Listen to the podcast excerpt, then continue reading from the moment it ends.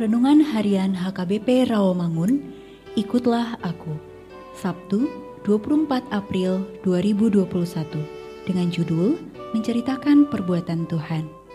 Bacaan kita pagi ini tertulis dalam Kejadian 48 ayat 8 sampai 19 dan bacaan kita malam ini tertulis dalam Markus 6 ayat 30 sampai 34 dan kebenaran firman yang menjadi ayat renungan kita hari ini ialah Mazmur 118 ayat 17 yang berbunyi, Aku tidak akan mati, tetapi hidup dan aku akan menceritakan perbuatan-perbuatan Tuhan.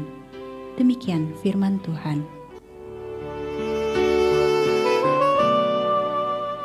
Kematian adalah hal yang pasti yang akan kita alami di dunia ini pada saat kita masih hidup di dalam dunia, kita sering melihat hal-hal yang indah atau cantik, atau kita melakukan hal-hal yang senang atau benar menurut kita. Kita sering menceritakan hal-hal indah atau cantik yang kita lihat, atau perbuatan yang menyenangkan yang pernah kita lakukan terhadap orang lain. Tetapi, pernahkah kita menceritakan perbuatan-perbuatan Tuhan yang pernah Tuhan perbuat buat kita atau orang lain? Jarang sekali kita menceritakan perbuatan-perbuatan Tuhan yang baik terhadap kita.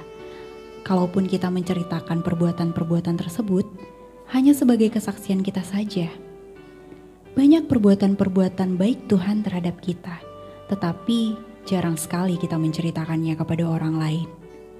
Nats hari ini mengajak kita untuk selalu bersyukur dengan cara salah satunya tetap setia menceritakan perbuatan-perbuatan Tuhan kepada orang lain bahkan ingin lebih lama hidup untuk menceritakan kejadian tersebut. Banyak perbuatan-perbuatan Tuhan di dunia ini yang bisa kita ceritakan. Bersediakah kita menceritakannya kepada orang lain agar orang lain tahu bahwa Tuhanlah yang menciptakan segala sesuatunya di dunia ini? Mari kita bersatu dalam doa. Tuhan, ajarlah kami untuk selalu bersyukur dan menceritakan perbuatan-perbuatan baik Tuhan terhadap kami. Amin.